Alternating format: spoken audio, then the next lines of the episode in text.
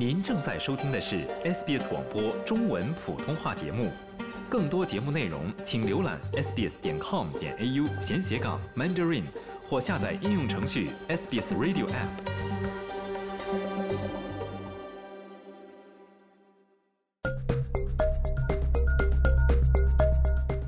听众朋友们，下午好，我是 SBS 记者秋实。本期 SBS 新闻快报带您快速了解乌沃斯将儿童糖果在收银台货架撤柜的相关消息。未来几周，乌沃斯将陆续将全国范围内的儿童糖果从收银区域撤除。这家零售巨头将只提供健康星级三点五或以上的更健康食品选择，它们将被摆在食品通道的正面和背面出售。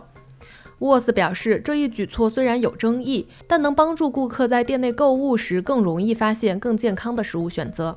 他们表示，百分之八十的货柜将会用于摆放更健康的货品。沃斯总经理娜塔莉·戴维斯表示，这些都是朝正确方向迈出微小但重要的一步。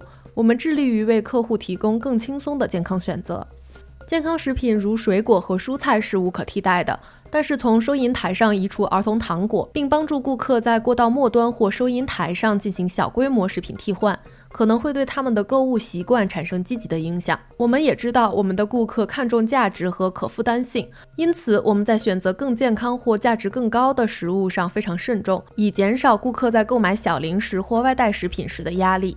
这包括通过我们的季节性价格下调计划。这个计划将提供更低价但更健康的食品。在我们最新的秋季价格下调计划中，有超过一半的销售额来自更健康的产品。我们还看到一些蔬菜的价格现在较低。我们鼓励所有顾客充分利用这个机会，在冬天享用更新鲜的澳大利亚蔬菜。